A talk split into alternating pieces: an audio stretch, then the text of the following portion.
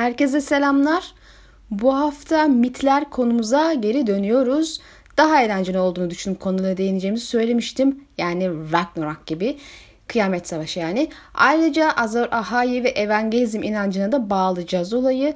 Ee, ilk olarak daha belki videolarda bahsetmeyi unuttum bir konuyla başlayacağım. Şekil değiştiriciler yani shapeshifter da deniyor İngilizce'de. Serimizde bunlara genelde deri değiştirici ya da work dendiğini görmüştük. Jojenir şekil değiştirici teriminde kullandı birebir. Bu terim aslında bizim evrenimizde hemen hemen tüm dünya mitlerinde yer alıyor. Yani bu tarzdaki bir e, demonik varlıklar. İşte Asyaf'ta olduğu gibi bir canlının içine girmekten ziyade görüntüsünü değiştirme, değiştirmekle ilgili işte. Yani Norse mitlerinde bunu görüyoruz, Yunan mitlerinde görüyoruz falan. Hemen hemen her şeyde mitlerde var. Her, herkes böyle bir değiştiriyor kendini. Çok seviyorlar nedense. Ee, şey, Mesela Odin'in isimlerinden biri Shape God'dır yani şekil değiştiricilerin ilahı manasında sanırsam çeviri. Yani 3 aşağı 5 yukarı yani işte şekil değiştiriyor zaten kendisi. Seride buna en yakın kişiler aslında Vogue'leri değiştirenlerden ziyade yüzsüz adamlar. Onlar ke- kelimenin tam manasıyla şeklini değiştiriyorlar. Ama öyle insanların tabii ölü insanın yüzünü gerek yapıyorlar bunu. Yani neticede kendilerini değiştirebilme güçleri var ve nazik adama göre bu göz bağlama büyüsü gibi şeylere benzemiyor. Çok daha derin bir şeydir. Derinlemesine konuya girmeden evvel Martin ilham alması ile ilgili yöntemini anlattığı bir başka alıntıyı paylaşıp size yeniden hatırlatma gereği duyuyorum. Çünkü evet biz biliyoruz anladık karşılığını alsak bile işin içine girince bunu unutup gene birebir benzerlikler arandığında görebiliyoruz böyle şeylerde. Güllerin savaşları benim beni her zaman büyüledi ve kesinlikle Buz ve Ateş'in şarkısını etkiledi. Ancak gerçekten birebir karakter yazışması yok. Fantezimi tatlandırmak, doku ve gerçeğe yakınlık eklemek için tarihi kullanmayı seviyorum ancak sadece isimleri değiştirerek tarihi yeniden yazmak bana çekici gelmiyor. Her şeyi yeniden hayal etmeyi ve yeni, yeni ve beklenmedik yönleri çekmeyi tercih ederim. Şimdi yavaştan kıyamet savaşına doğru ilerleyebiliriz. Norse mitlerinde Ragnarok diye savaştan bahsedilir. Son savaş veya kıyamet savaşı olarak da tabir edebilirsiniz. Kıyamet bizim anladığımız manada değildir elbette. Savaş yıkılmış dünyanın daha sonra yeniden doğup şekillenmesini ve yaşamın devam etmesini içerir. Astrolog dili ile konuşursak ölmüş ve dirilmiştir dünya. Daha belki videoda dünya ağacının yani diğer ismiyle hayat ağacının köklerine iki insanın sığınacağını ve savaş sonrası insanlığı bu ikisinden doğup çoğalacağından bahsetmiştim. Ragnarok aslında benim için bir doğal afettir ama insan eliyle meydana getirilmiş bir doğal afettir. Yani tufan gibi efsaneleri biliyorsunuz insanlık arasında çok azı dışında hepsi yok olmuş ve bir nevi dünya yeniden kendini reset atmış, yeniden doğmuş ve bu bir avuç insandan tüm insanlık tekrar e, çoğalmıştır. Bu sebeple Hazreti Nuh için insanlığın ikinci babası denir Hazreti Adem'den sonra. Elbette tufanın Allah tarafından gerçekleştirilmiş yoldan çıkmış ve sapıtmış insanları cezalandırmak, imanı olanları kurtararak dünyayı temizleme eylemi gibi bir şeydi. Bu Asraf bana isterseniz ilk uzun geceyi anımsatmıştır. Orada da bir ilah sapıtan halka karşı uzun geceye başlatıp cezalandırıyordu. Elbette sonrasında geç olaylar tamamen farklı. Ragnarok ise dediğin gibi daha çok insan eliyle içine ettiğimiz bir dünyayı anlatıyor kanımca. Ragnarok evvelden bilinen bir şey. Odin vesaire ve halk falan herkes bu kıyametin varlığından haberdar. Geliyor gelmekte olan yani. Kış geliyor. Bu kaçınılmaz bir şey. Odin veya Thor buna karşı duracak güce sahip değildir. Bu savaş onların da kaderidir. Karşıdaki devlerin de halkın da yani engellenemez. Önüne geçilemez. Bu yüzden Odin bu savaşa hazırlanır. Bunun için en önce büyük bir orduya ihtiyacı vardı ve bunların önemli bir kısmını güçlü ve kendini kanıtlamış cesur savaşçılardan oluşturmaya karar verir. Valhalla bunun için oluşturulmuştur. Bir çeşit cennet var tasviri anımsatır demiştim sanırsam bir önceki videoda. Burada salonda sürekli ziyafet verilir. Valkyrieler burada kupa taşıcı olarak savaşçılara hizmet eder. Onlar bir nevi yaşıyordur, öbür dünyada yaşıyordur ve kıyamet savaşını bekliyordur. E, bakire savaşçılar olarak görülen Valkyrieler ise kupa taşıcı yapmadıkları zamanlarda dünya gider ve savaşlarda ölmüş. Özel olarak Odin tarafından seçilmiş savaşçıların ruhlarını toplar ve Valhalla'ya getirir. Ayrıca bu bacılar Odin'in kazanmasını istediği tarafın kazanması için güçlerini de kullanırlar. Valkyrie'nin anlamı kabaca çeviriyle öldürülmüşlerin seçicisi manasına geliyor. Valkyrie'ler kimin öleceğini bilir. Odin'in kimin kazanmasını istediğini bilir. Kimi seçmesi gerektiğini bilir. Özetle Odin'in mimlediklerini seçerler. Yani Odin bir orada yaratmak ister. Valkyrie'ler bunun için hizmet eder. Ben bunu anlatırken tanıdık geldi mi bir şeyler?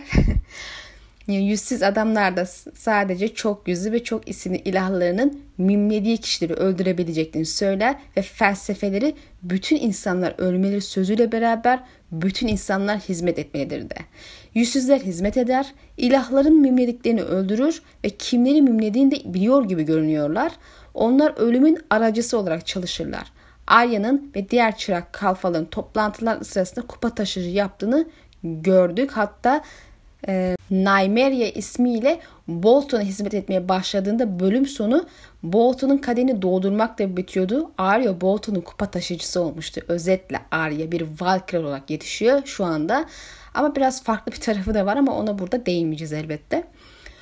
Odin şekil değiştirici olduğu için çok yüzlüdür ve çok isimli biridir. Hatta Norse kültüründe bazıları için ölüm ilahıdır. İsimlerinden biri de öldüren, öldürülenlerin seçicisidir. Yani Odin'in öleceği kişiyi seçtiğini düşünüyorlarmış anladığım kadarıyla. Dediğim gibi mimliyor. Çok yüzlü, çok yüzlü ilah gibi. Sıkı durun. Odin sadece Valhalla'da savaşçıları toplamaz. Onları ayrıca eğitirdi ve ölülerle iletişim kurarak onları dirilterek bilgi alma becerisinde sahipti. Ölmüşlerin babası ve höyüklerin lordu olarak da bilinir ki höyükler mezarlar ve tabi olarak, tabi olarak da ölülerle bağlantılı yerler. Çok yüzünün ve büyük ötekin aynı kişi olduğunu anlattığım videomu hatırlayın. Valhalla'nın küçük bir yansımasını serimizde kuzeyde görüyoruz. Hem Jon'un hem de Theon'un rüyalarına bakarsak karşımıza bir ölüler ziyafeti var. Theon 3. kitapta kışlarını ele geçirdiğinde Ned ve Robert dahil tanıdığı tanımadığı birçok kişi bir ziyafette görüyordu. Kendisi de ziyafette zaten. Lyanna ve Ned'in abisi, babası ve diğer Lord Kral Stark'ların e, falan da oradadır. Bunu onları da görür. Daha sonra kanlı bir halde bu ziyafete Rob da katılır.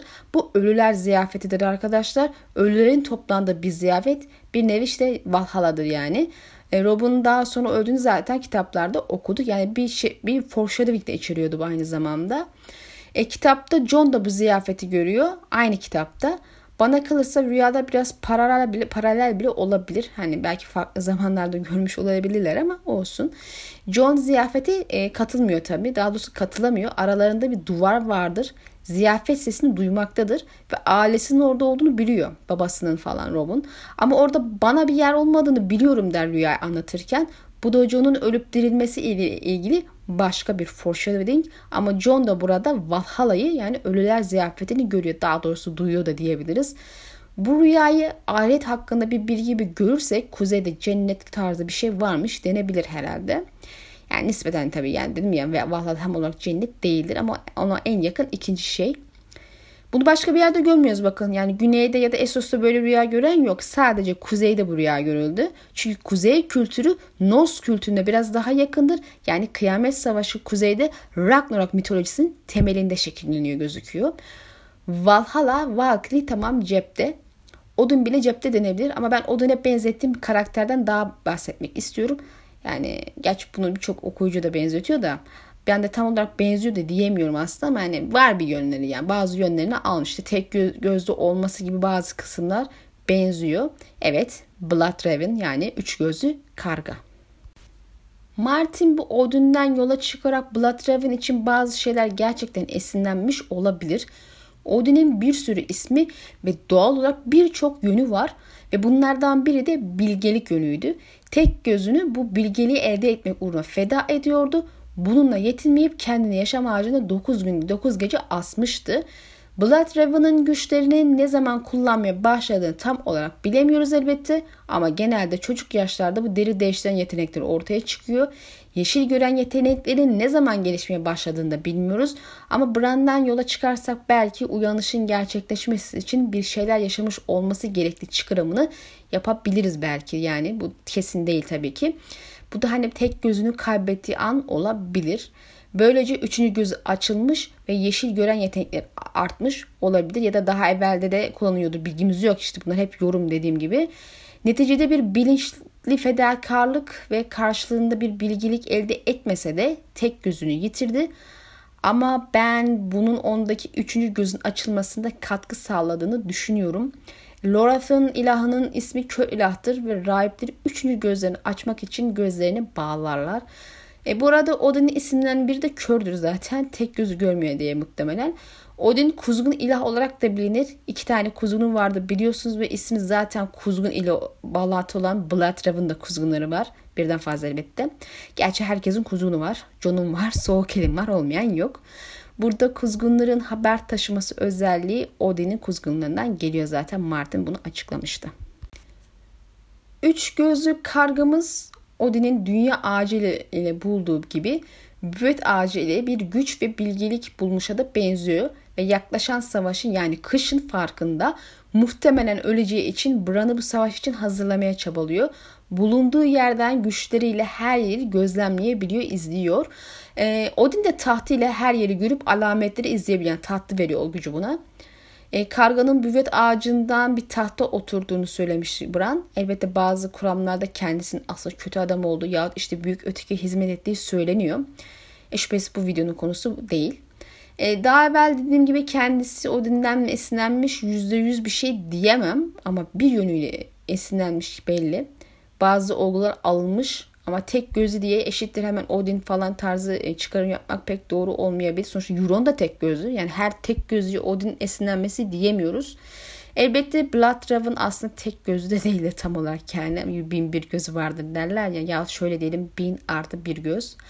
Alevli kılıç terimini araştırırken Yahudi Hristiyan inancında alevli kılıç taşıyan bir meleğe rast geldim. Aslında birden fazla melek e, bu kılıçları taşıyor.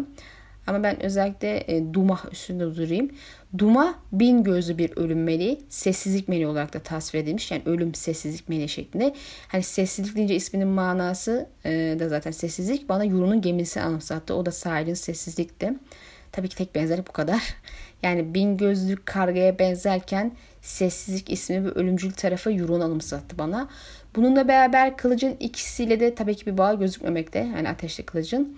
Duma ayrıca Mısır'ın koruyucu meleği, cehennem prensi ve intikam meleğiymiş. Yani birçok mitolojide böyle geçiyormuş.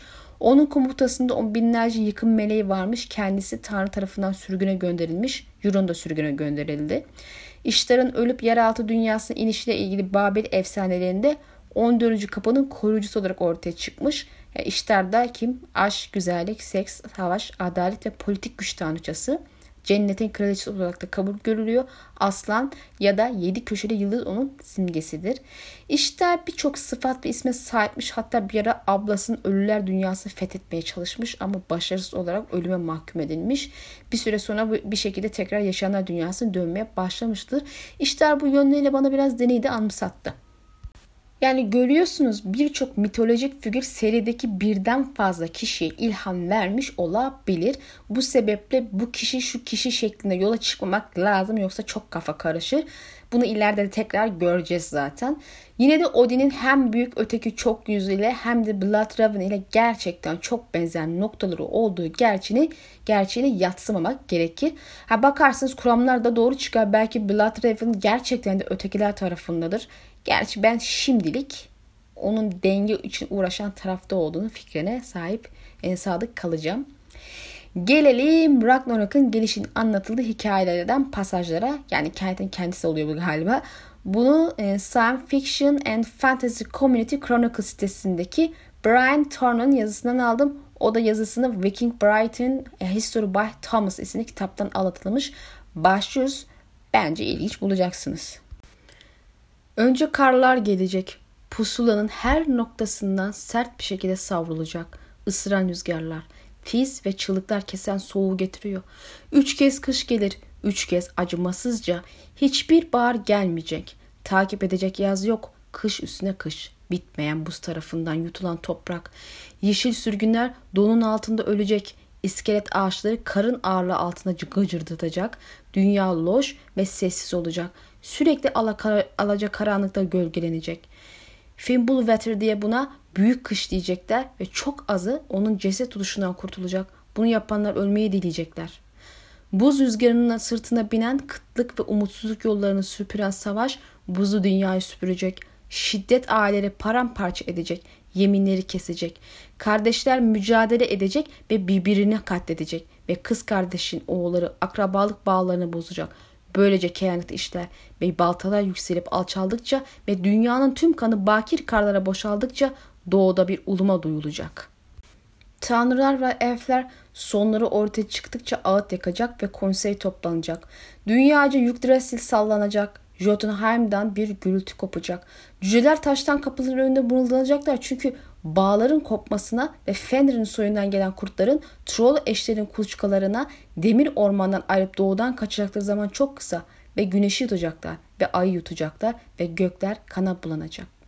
Sonra Gıcel Arhorn çalacak. Tanrıların bekçisi Heimdall'ın nefesi dünyalarda yankılanacak. Patlaması dağlardan yankılanacak. Tanrıları ve şanlı ölüleri uyandıracak ve onlar toplanıp kendilerini son savaş hazırlayacaklar. Odun son öğüt sözler için Mimir'in başıyla konuşacak çünkü düşmanları çoktan gelmiş olacak ve her yöne yüz fersah boyunca uzanan savaş ovasında kasvetli ve uçsuz bucaksız bir turnada korkunç bir ihtişamla dizilmiş halde duracaklar. Yalanların babası Loki gelecek. İşkence çağından kurtulmuş ve onun yanında korkunç çocuklar olacak. Kurt Fenrir. Ağzı dünya yutacak kadar geniş, gözlerinden ateş fışkırıyor ve Jormungand, dünya yılanı, kıvranıp dövülerek, zehir fışkırtarak pis bobinlerini karaya çekecek. Dev Hirim buraya da gelecek mi? Ölülerin naklar gemisini bu hesap yerine yönlendirecek. Buz devlerin savaş ovasına götürecek. En son gelecek olan buz pelinoğulları olacak. Ateşin iblisi Surt tarafından sıralanan alev orduları parıldayan kılıcı yarılmış gökyüzünün altına alev alev yanıyor. Ve Odin, Ivaldi'nin oğulları tarafından dövülmüş Gungir'in mızrağı ile ordusunun başında onları karşılamak için at binecek. Bu altından bir miğfer ve bir zırh giyecek. Thor onunla, Frey, Tyr ve Heimdall ve savaşta ölen ve tüm o kahramanlarla birlikte olacak ve hepsi düşecek. Vikingler savaşın çılgınlığında paramparça olan Vigri'de savaş ovasına Tanrı'nın kanına dökülen dünyanın sonunun böyle geleceğini hayal ediyorlardı. Yılanların savrulan kıvrımları ile ölecekti. Güneş yuttu, dünya yandı, başladığı gibi. Buz ve ateş sellerinde boğuldu. Sizi bilmem ama ben azıcık bu coşuya gelmiştim bunu okuyunca. Elbette Ragnarok kehaneti birebir Asarof'ta gerçekleşmeyecek. Oradaki karakterlerin birebir aynısı Asarof'ta görülmeyecek. Ortada. Biz genel genel hikaye iskete yaklaşalım. Dünya buz ve ateş ile yok oluyor ki bu da bize Sirin ismini veren şey zaten Martin'in kıyameti anlatan ateş ve buz şiirinden ilham aldığında unutmamak lazım. Midgard yani insanların dünyası da ateş ve buz dünyasının ortasında yer alıyor. E, ondan önce de zaten boşluk varmıştı.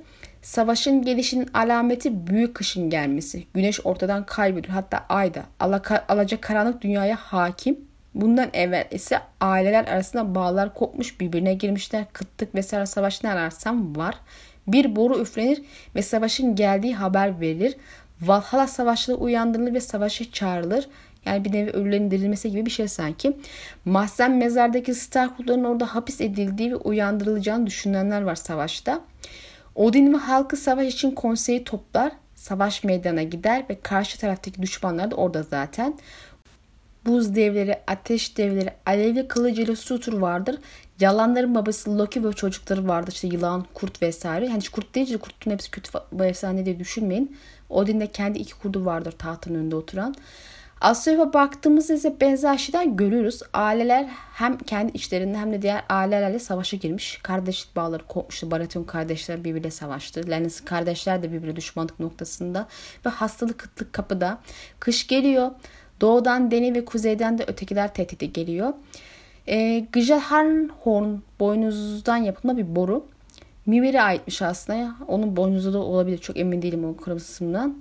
E, savaş yaklaştığında yahut geldiğinde hem Valhalla savaşçılarını uyandıracak hem de ilahların kendisini. Ya burada uyandırmak yani daha çok e, çağrı yapmak işte haber vermek yani savaş geliyor demek. Bu da bana kış borusunu anımsatıyor tabii ki. Borunun suru yıkacağı ve devleri uyandıracağı söylenir. Muhtemelen kış borusu olarak nam salmasının sebebi zaten kışın gelişini haber verip suru yıkarak savaşın başlamasına ortam sağlaması olacak.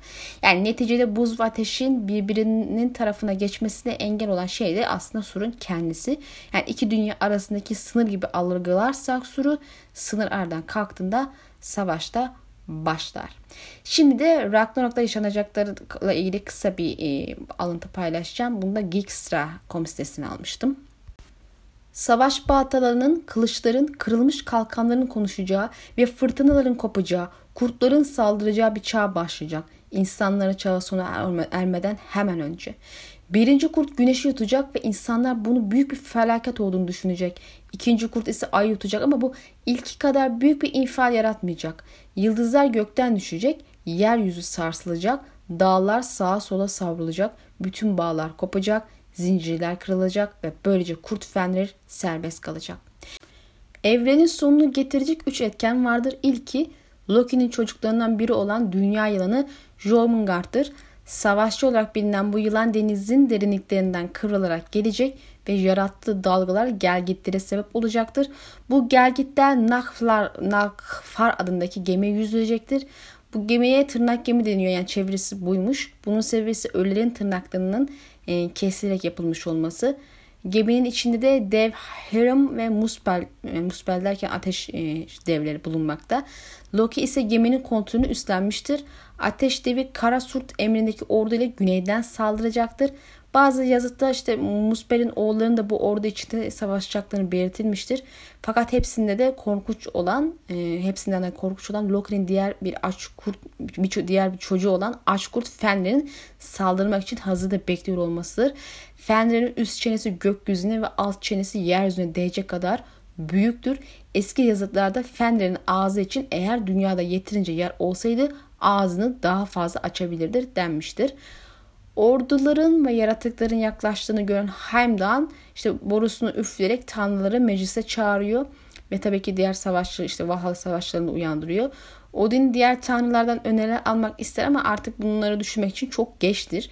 Frey Surt ile savaşır fakat silah çok güçlü olmadığı için ona karşı yenilir ve ölür. Fenrir devasa ağzını açarak Odin'i yutar. Babasının öldüğünü gören Vidar Fenrir'in kalbini bıçaklayarak onu öldürür ve böylece intikamını almış olur. Bazı kaynaklarda farklı kapışmaların da var olduğu e, yazılmış. İşte Tazı Garım, Garım ile Tanrı Tyr savaşırlar ve bu savaşın sonunda ikisi de ölüyor. Bilinen en büyük düşmanlık ise Heimdall ve Loki arasındadır ve onların da birbirlerini katlettikleri belirtilir. Bu olaylar üzerine ateş yaratığı Sudur dünyayı alevlerle kaplar ve her şey bir anda yok eder. Şimdi bakarsak şöyle genel olarak bir savaşlar çağından ve sonunda kurtların saldıracağı bir çağdan bahsediyor. Asraf'ta 5 kralın savaşını okuduk. Fırtınaların kopacağı çağı zorlama olmaz ise Euron'un başında olduğu e, demir doğumların saldırıları olarak görmek mümkün olabilir. E, Euron kendini zaten fırtına olarak tabir ediyordu. İlk kurt güneşi yutacak. Bu da her yerin karanlığa görülmesi demek. Yani uzun gece başlayacak. Yani seride bu kurt bir ihtimal belki arıyor olabilir. Yani hani boru üflemesi falan muhabbetleri. Şampiyon kuramla bağlantılı elbette. Yahut diğer Starklardan biri de belki bunu yapabilir. Ayrıca kurtların saldıracağı bir çağın geleceğini ben size zaten daha belki videolarından birinde bahsetmiştim. Stark tehdidi kış geliyor videomu unutmayın. Martin her ne kadar e, daha sonra uygun bir isim olmadığına karar verse de son kitabın ismini Kurtların Zamanı olarak seçmişti. Genelde Norse ilahları ve devleri Asov karakterlerine benzetilir. Ben hepsinin birebir karşılığı olduğunu pek düşünmesem de bazı benzerlikler e, taşıyanlar olduğunu düşünüyorum. Martin bazı yönlerden ilham olmuş olabilir yani. Biz genelde ilham alma işte böyle komple hikaye almak gibi algılıyoruz maalesef ama tabii ki böyle bir şey yok. Neyse. E, Jormungandr yılanından bahsedelim. Yani Jormungandr ya da nasıl telaffuz ediliyorsa. E, ejderha bağlantılı yüzünden aklıma ilk denik gelmişti. Yani bu video serisinin ilkine de söylemiştim. Drogon ismi aslında su yılanı anlamına geliyor. Yani ilk dönem ejderhalar su ejderhası, su yılanı olarak görülüyordu. E, bu sebeple Norse mitinde de suyla ilişkili görüyoruz kendisini ama deni elbette ki bir ateş ejderhası. Yine de tabiri caizse işte dünyayı sarı fethetmeye, yol, fethetmek için yola çıkmış bir hikayesi var gideninin. Essos ile işi bitince Westeros'a gelecek. Fakat daha sonra aklıma Euron geldi. Her ne kadar kendisi bir kraken de olsa o bir denizci. Yılanın ilk yaptığı şey denizlerde terör estirmek yani dalgalar saçma falan buna e, simgesel anlamda buna işaret ediyor muhtemelen. Zehir saçarak ilerlemek bu yaptığı şeyin sonucunda işte o gemi limandan serbest kalıyor harekete geçiyor. İşte içinde de Odin ve diğerleriyle savaşacak diye herkes var yani. Helden çıkan ölüler dahil diyorlar bazı yerlerde. Daha sonra kendisi de zaten savaş meydanında diğerlerine katılacakmış ve Thor ile savaşıp birbirini öldürecek bu iki karakter. Euron hali hazırda denizlerde dediğim gibi terör estiriyor ve hatta Eskişehir'i vesaire düşürürse bir şekilde diğer hızla parçalanmaya gidecek. Sen bunu söylemiştin. Daha önceki videolarda bahsetmiştin. Unutmayın ki evrenin sonunu getirecek üç şeyden biri yılanın yaptıklarıydı. Euron Westeros'un işini bitirme yönelik hamleleri yapıyor yani zaten. Ayrıca unutmayın ki Euron'un hediyeleri zehirlidir. Bu adam çevresini zehir saçarak ilerliyor. Deni ile birleşip kıyamet savaşında onun tarafını tutacağını söylemiştim. Yani sonu getiren ikinci etken ise güneyden gelip saldıran alevli kılıcı olan ateş devi Sutur da bana isterseniz Azor Ahai ve haliyle bir ateş ejderhası olarak bilinen Deni anımsatıyor. Kendisinin Azor Ahai olması yüksek ihtimal zaten. Deni büyük bir ordu ve 3 ejderhası ile doğudan gelecek. İstesek de güneyden getirmek zor hiç. Malum coğrafi konum. Ama tabii ki de hani kuzey kuzeyle savaşacaksa dediğim gibi zaten hatta ötekilerle bile savaşacak olsa her halükarda tabii ki e, Westeros'un güneyinden gelecek saldıracak. Yani çok da fark etmiyor.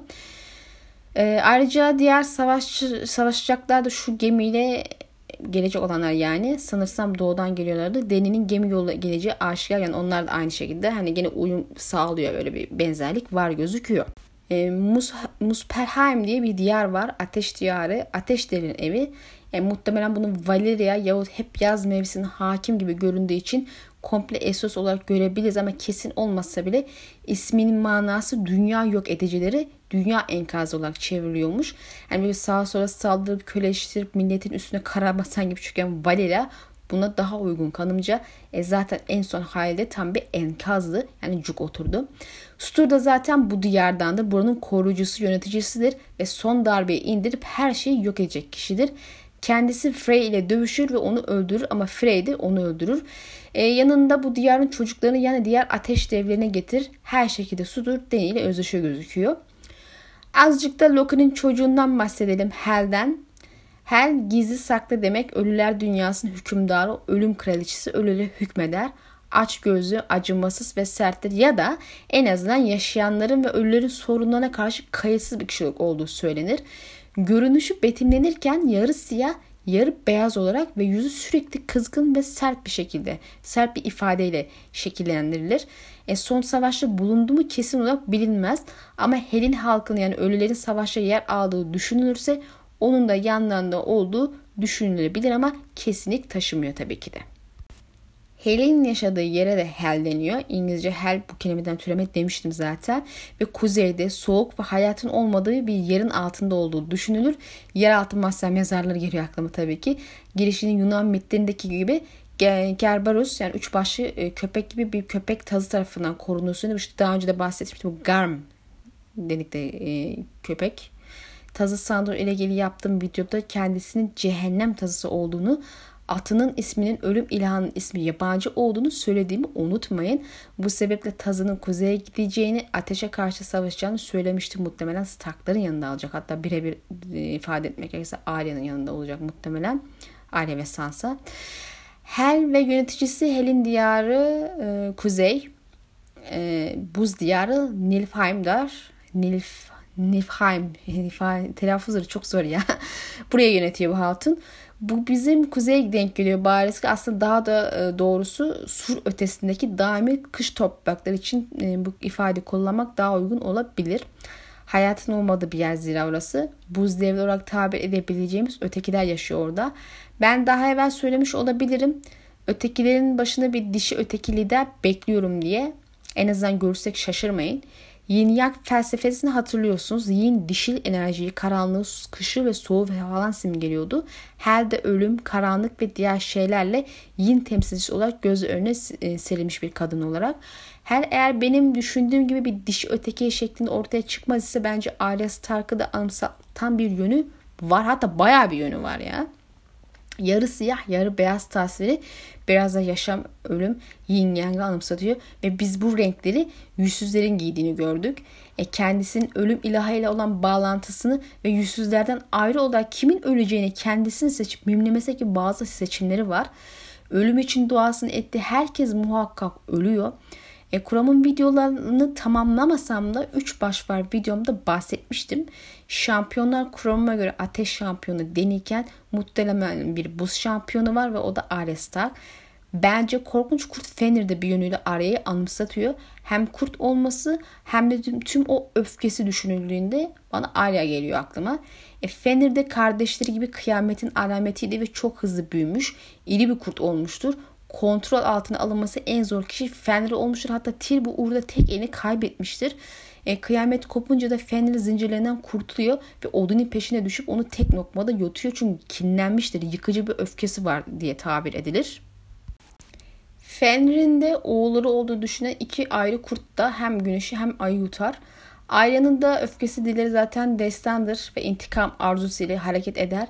İntikamı aç olarak tasvir edilir yazar tarafından. Bu da evrenin sonu getirecek olan üçüncü etkendir. Yani Fenrir'in kendisi. Yani o da Arya olabilir.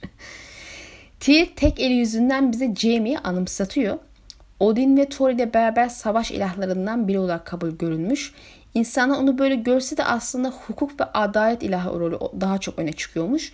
Karısının ismi kendi isminde dişil vers dişi versiyon olan Zisa ya da Sisa imiş. İsminin dişil versiyonu olunca ikizimsi bir hava yarattığı için e, ve ismin Sisa ile Cersei'yi biraz anımsatması ilgimi çekti. Jamie kendini 7'deki savaşçıya benzetiyordu hatırlarsanız. Bununla beraber 4. kitapta adaletin altın eli olsaydı nasıl olurdu diye düşünmeye başladı. Hatta belki beni böyle analar falan diye bir az buçuk adalet meselesini düşünmeye falan başlamadık değil yani. Gerçi yakışıklı gibi şeylerle ün yapan ve kız kardeşiyle sevgili olduğu bilinen kişi de Frey'dir. Frey herkes tarafından sevilir ama tabii ki Jaime ironik olarak tam tersine nefret edilir. Freya, Frey isminin dişil halidir ve onun da zaten kız kardeşi. Ayrıca Odin'in karısı olduğu düşünülür.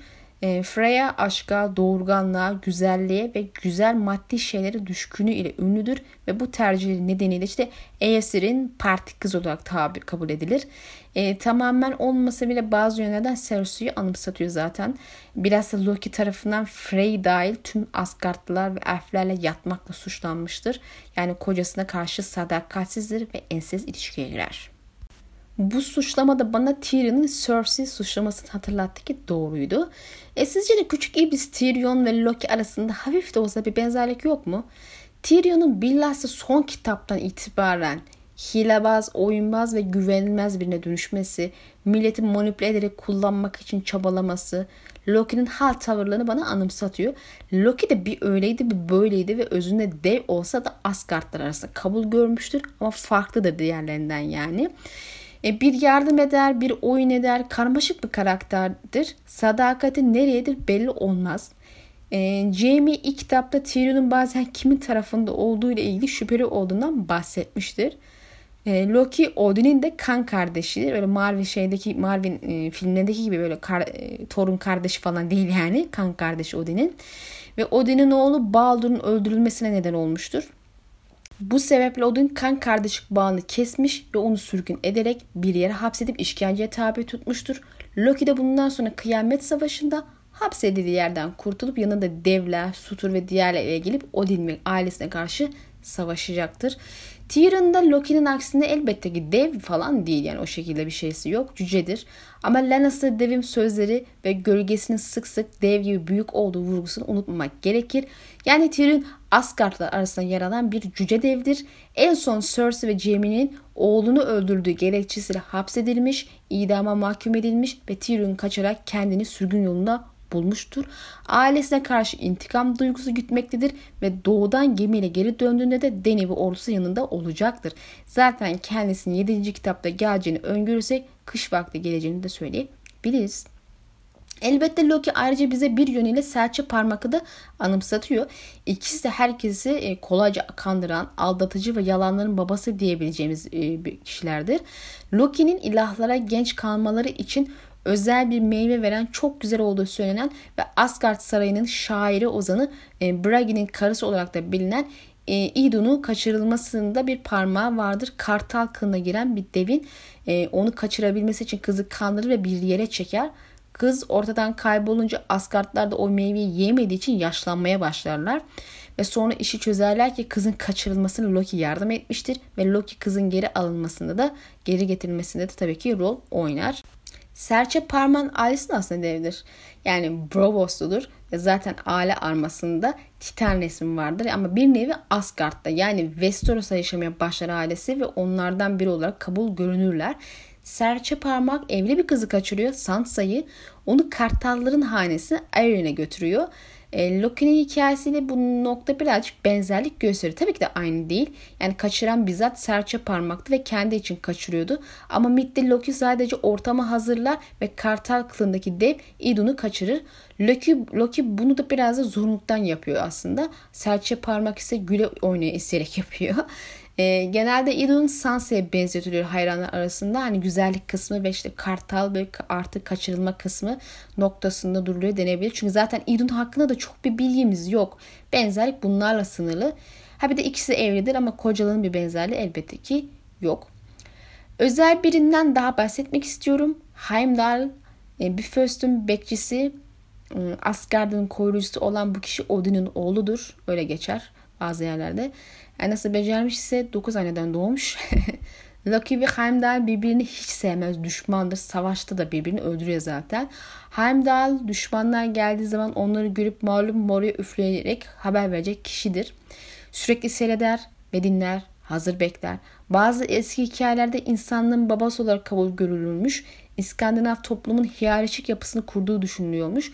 Bir kuştan daha az uykuya ihtiyaç duyarmış. Görüşü o kadar keskindir ki gündüz ve gece yüzlerce kilometre öteye görebilir ve işitmesi o kadar keskindir ki yerde büyüyen otları ve koyunlarda büyüyen yünü bile işitebilir. Gözünden hiçbir şey kaçmaması ve gelecek düşmanları beklemesi yani nöbet tutması gibi şeyler bizi Jon Snow ve gece nöbetini anımsatıyor. Nöbet gelen tehlikeli haber etmek için zaten borulara üfler. E, Jon'un dirildikten sonra da çok fazla uykuya ihtiyaç olmayacağını biliyoruz. E, kendisi elbette ki Hadren duvarına ilham alındı ama onunla sınırlı kalmak zorunda da değil. Şimdi Asgardlıların Asoev karakterleri ile benzerlikleri şimdilik dediğim gibi kenara böyle bir bırakalım. Diğer benzerlikleri geçelim. Copy Might White Tumblr.com sitesinde Asoya ve Norse benzerlikleri ile ilgili bir seri yazı gördüm.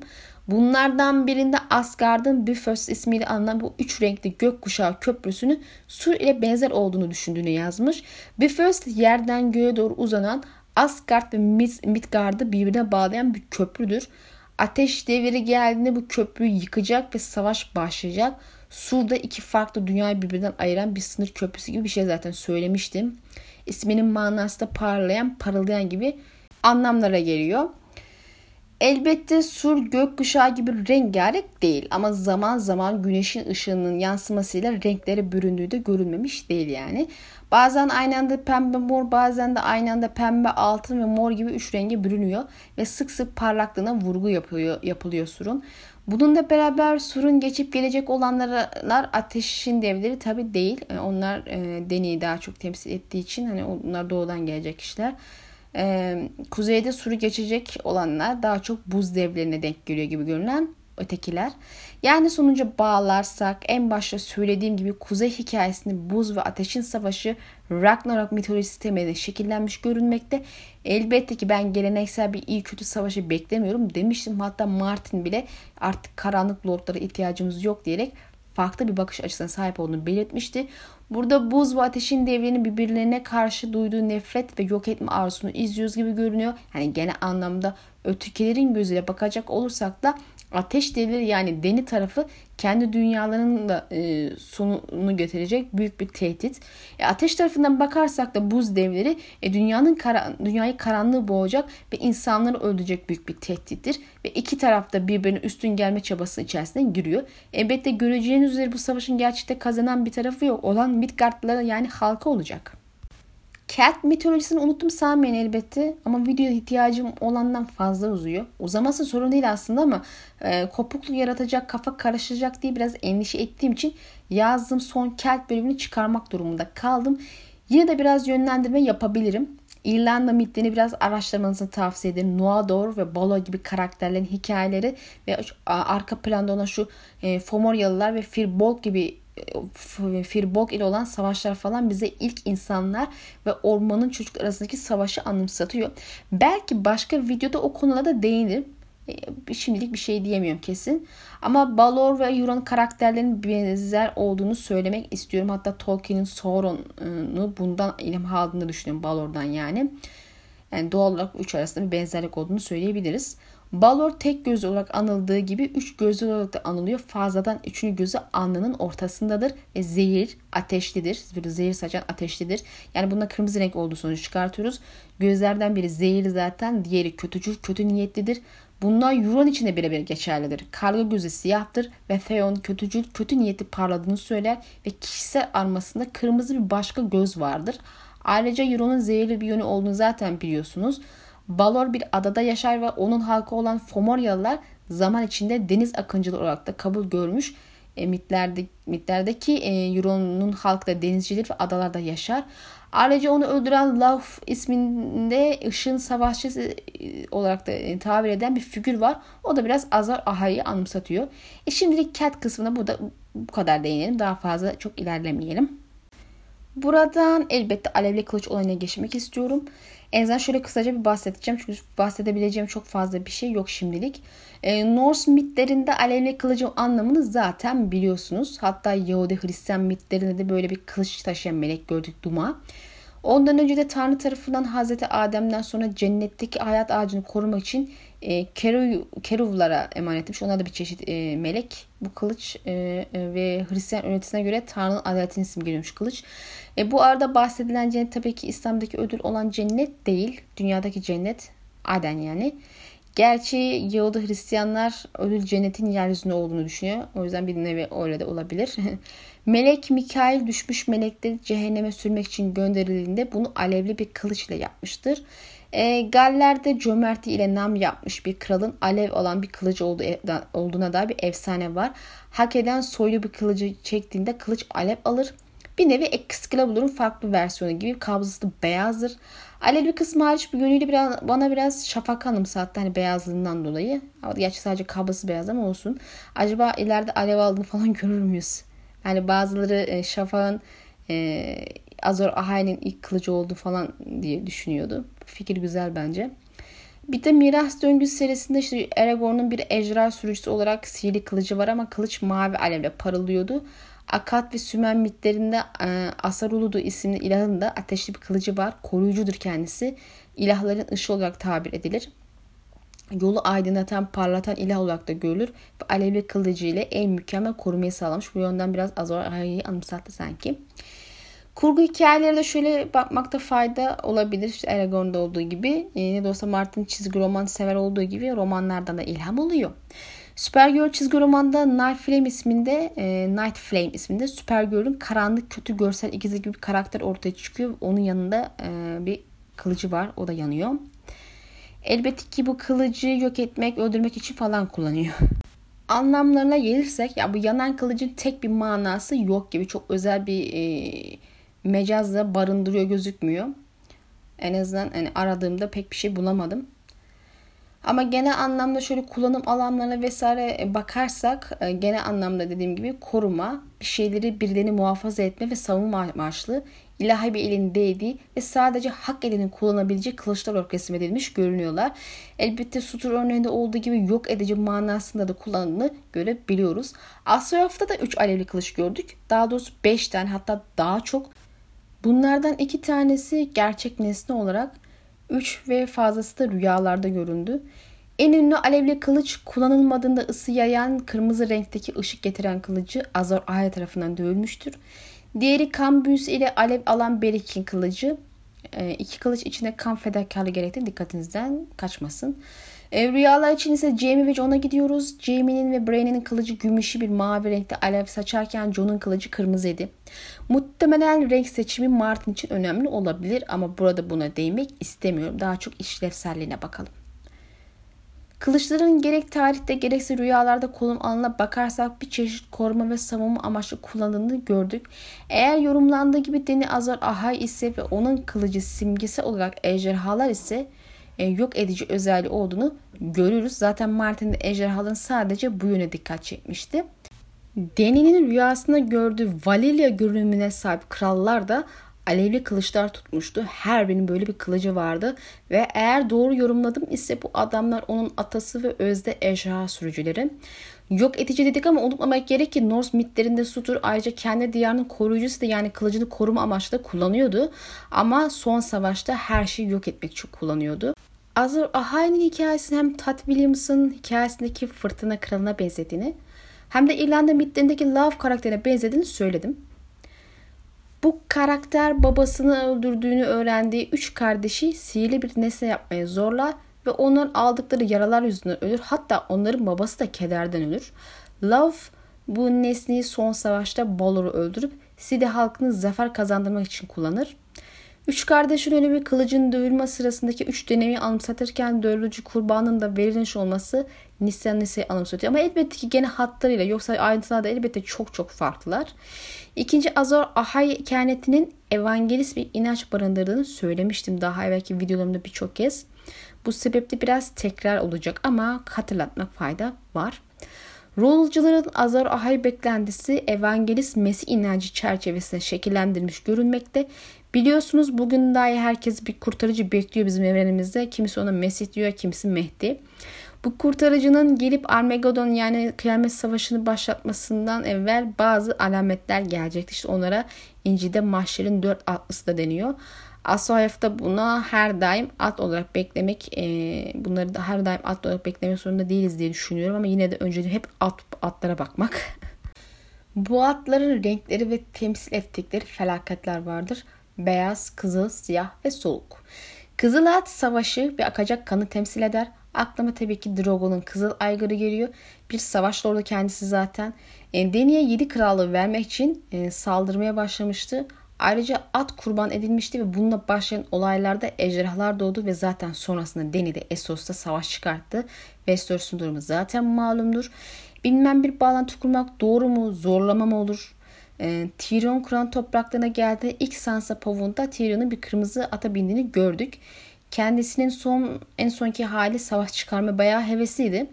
Zaten Ejderhan'ın dans savaşta alacağı rol, rolü de düşünürsek kırmızı ata binmesi bana gayet uygun geldi. Siyah at açlık ve kıtlığı simgeliyor. Şu ana kadar siyah at denebilecek bir şey gördük de diyemiyorum. Yani gözümden kaçmış olabilir dediğim gibi. Belki 6. kitapta at şeklinde görebiliriz bir şeyler. Yalnızca Yunka ile elçiler Deni ile görüşmeye geldiğinde böyle bir siyah atlara bindiklerini görmüştük, okumuştuk yani. Astrof'ta belki Martin kendine göre yorumlaya gitmiştir. Drogon siyah bir ejderha hatta kırmızı siyah. Hem savaşı hem kıtlığı simgeleyebilir belki. E, kış rüzgarları gelirken kuzeyde mesela kıtlık alametleri zaten başladı. Miren zaten bu konuda şu an sıkıntılı. Yargıç Illyrio bile Tyrion'a kıtlık olacağını söylemişti genel olarak. Soluk at o da salgın hastalıkları simgeliyor. Bunu zaten e, gördük. E, maskeli ablamız Kuvvet e, solgun bir atın geleceğini, hastalığın falan geleceğini söylüyordu ve gerçekten de bir soluk at geldi ve arkasından da kanlı ishal salgını geldi. Zaten bu soluk ata ölüm de deniyor. E, muhtemelen Westeros'ta bir e, salgın göreceğiz. Beyaz at Fethin fikrini simgeler kafasında tacı vardır ve fethi için yola çıkar. Çeşitli yorumlara göre bu kişi Mesih'in zaten kendisi. Tüm, tüm bu alametler gelince Mesih gelecek ve savaş başlayacak. İşte bu bence Daenerys onun hem saçları gümüşü bir beyaz hem de atı gümüşe kaçan bir beyaz renkte. Yani ablamızın ikinci kere yeryüzüne gel, geleceği söylenen Azar Ahai'yi yani bir çeşit mesihvari biri olduğu düşünülebilir öyle gözüküyor. En azından bir ateş tarafı için kurtarıcı rolünde gibi duruyor. Peki kıyamet savaşında yani Armageddon savaşında neler oluyor? Nasıl gerçekleşiyor? İşaretleri nelerle vesaire dersek Vahiy kitabından çok kısa bir alıntı yapayım. Altıncı melek tasını Büyük Fırat ırmağına boşalttı. Gün doğusundan gelen kralların yolu açılsın diye ırmağın suları kurudu. Bundan sonra ejderhanın ağzından, canavarın ağzından ve sahte peygamberin ağzından kurbağaya benzer üç kötü ruhun çıktığını gördüm. Bunlar doğası belirtiler gerçekleşen cindir ruhlarıdır her şeye gücü yeten Tanrı'nın Büyük gününde olacak savaş için bütün dünyanın krallarını toplamaya gidiyorlar. Üç kötü ruh kralları İbranice Armageddon denen yeri topladılar. Yedinci melek tasını havaya boşalttı. Tapınaktaki tahttan yükselen gür bir ses tamam dedi. O anda şimşekler çaktı, uğultular, gök gürlemeleri işitildi. Öyle büyük bir deprem oldu ki yeryüzünde insan oldu olalı bu kadar büyük bir deprem olmamıştı. Büyük kent üçe bölündü. Ulusların kentleri yerle bir oldu. Tanrı Büyük Babil'i anımsadı. Ona ateşli gazabını, şarabını içiren ka- kaseyi verdi. Bütün odalar ortadan kalktı. Dağlar yok oldu. İnsanların üzerine gökten tanesi, gökten tanesi yaklaşık bir talant yani yaklaşık 20 kilogram ağırlığında iri dolu yağdı. Dolu belas öyle korkmuştu ki insanlar bu yüzden Tanrı'ya küfrettiler. Wikipedia'da yorumuna baktığımda şöyle diyordu. Bu savaşta savaşacak olanlar gökteki atanmış kral Mesih'in kendisi ve orduları bunlar Mesih'e iman edenler olsa gerek ve karşısında ise yeryüzünün tüm kralları var çünkü ona inanmıyorlar kabul etmiyorlar yani. Bu savaşta Deni ve ona inanan insanları ordusu ile onu istemeyen sevmeyen Mesih kralları ve halk olarak yansıyabilir. E zaten Deni'nin geldiğinde e, bir destekçi bulamayacağını düşünmüşümdür haneler arasında. Tabi Greyjoy'lar haricinde. E, Targaryen destekçisi hepsi muhtemelen Aegon'a yanaşmış olacak. Teşekkürler Tyrion. Senin yüzünden oldu bak bu. Bu inançta dünyanın sonu İslam'daki gibi e, evren ve içindeki her şeyin sonu değildir. E, dünyadaki eski düzenin sonu ve yeni bir düzenin, yeni bir dünya inşasıdır. E, Roller Ripe'lerini ve Euron'un sözüne bakarsak bununla birebir örtüşen açıklamaları sözleri var zaten. Onlar da dünyanın yeniden şekilleneceğinden falan bahsediyorlardı. Bu savaşın gerçekleşmesi için oluşması beklenen şartlardan bir de Babil'in yok olmasıdır.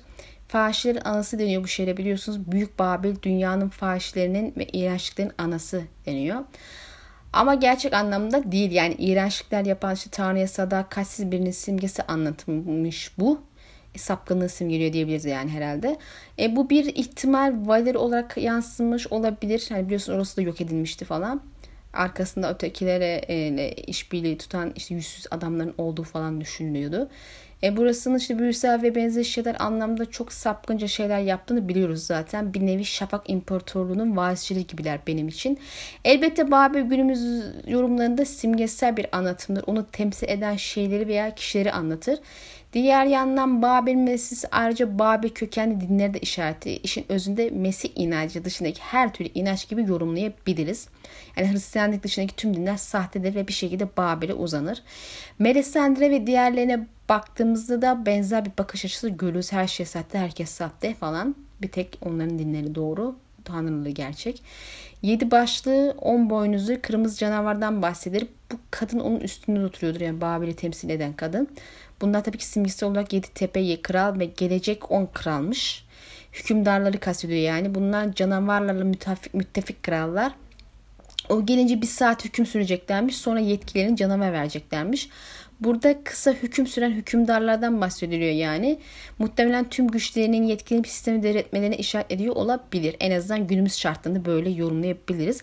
Kadın da tüm dünya hükmeden bir kenti yani ülkeyi temsil ediyor. Aklıma nedense Amerika geldi. Her şeyi mahveden yer. Elbette şöyle baktığımızda bu pek de birebir yansıma olacak gibi gözükmüyor Asoyev'da. Yani bir tek işte beş kralın savaşı olur. Başka krallar da geliyor gelecek. O kadar. Bundan başka bir şey benzemiyor. Ama böyle genel hikaye bakarsak Norse mitinde olduğu gibi savaş öncesi bozulmuş düzen, kaos, sahte inançlar tabii rolluculara göre ve kötü düzen anlatımı var. Bu sadece e, zaten Westeros'ta değil aynı zamanda Essos'ta bile olan bir şey.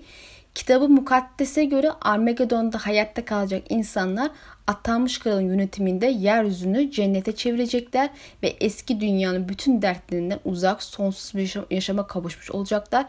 Armageddon'dan yalnızca atanmış kralın tarafındaki insanlar sağ kalacaklar. Diğerleri ise yok edilmiş olacak. Eski dünya düzeni ve destekçilerin olmadığı yeni dönem insanın yeryüzünü iyiler için cennet haline getireceği göksel bir yönetim dönemi oluşturacak. Atanmış kral olan insanın yanında 144 bin kişi kendisiyle birlikte yardımcı yönetici olarak hüküm sürecek. Geçmişte ölmüş kişilerden birçoğu bu dönemde diriltilecekler ve bin yıl eğitim ve yardım alarak kusursuzluğa erişecekler. 144 bin kişinin en önemli görevlerinden bir de bu yardımı sağlamaları olacakmış. Bu son kısımda Benoro'nun sözleri örtüşüyor zaten. Benoro Volantis'ten haber gönderdi. Onun gelişi eski bir kehanetin gerçekleşmesidir. Dünyayı yeniden yaratmak için duman ve tuzdan doğdu. O Azar Ahay'dır ve karanlığa karşı zaferi asla bitmeyen bir yaz getirecektir. Ölümün kendisi diz çökecek ve onun uğruna savaşarak ölenlerin hepsi yeniden doğacaktır. Evet videomuz nihayet burada sona erdi. İnşallah sıkılmadınız. Umduğumdan daha uzun oldu üçüncü kısım ama bence ilginç konulara değindik ve serinin nasıl şekillenebileceği ile ilgili güzel fikirler elde ettik. Beğendiyseniz bana destek olmak için beğendi tuşuna basmayı ve videoyu paylaşmayı unutmayın lütfen. Bir sonraki hafta görüşmek dileğiyle Allah'a emanet olun.